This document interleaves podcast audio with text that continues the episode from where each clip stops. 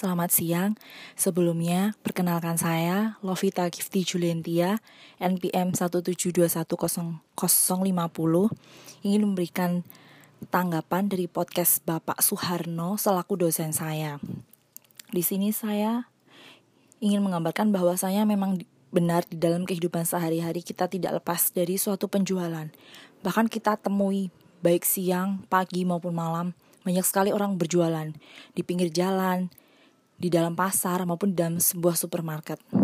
Kita sering menjumpai bahkan motif setiap penjual pun berbeda-beda. Ada yang motifnya mencari keuntungan sendiri, ada yang motifnya baik, ingin membagikan berkat. Jadi di dalam mereka berjualan, mereka juga memperdulikan orang lain. Maaf, saya ingin melanjutkan tanggapan saya sebelumnya. Alangkah baiknya jika dalam berjualan itu kita ada rasa menolong. Dalam artian, misalnya teman kita waktu pernikahan membutuhkan suatu kado, kita juga bisa menciptakan atau menjual muk berbentuk yang menarik konsumen.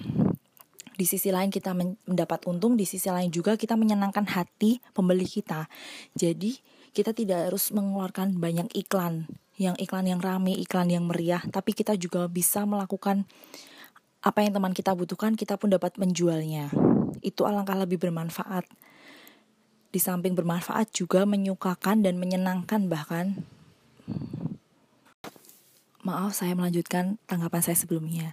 Di situ kita juga bisa menyenangkan hati konsumen kita. Jadi kita tidak perlu memasang pamflet ataupun iklan yang meriah untuk menarik. Bahkan pamflet yang menarik pun kadang terlihat bosan bagi konsumen. Bahkan seringnya konsumen tidak tertarik.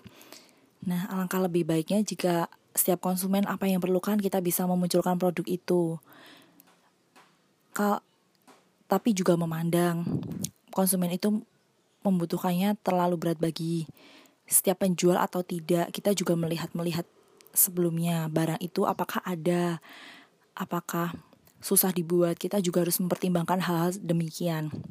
Tapi setidaknya di dalam kita berjualan, kita harus bisa menyenangkan setiap konsumen agar konsumen bisa Mohon maaf, saya lanjutkan. Jadi kita juga senang, konsumen pun senang. Akan tercipta suatu hubungan antara penjual dan pembeli yang sangat indah nantinya daripada kita hanya mencari motif kita mendapatkan uang tapi pembeli belum tentu suka atau bahkan pembeli membeli karena kasihan kepada kita.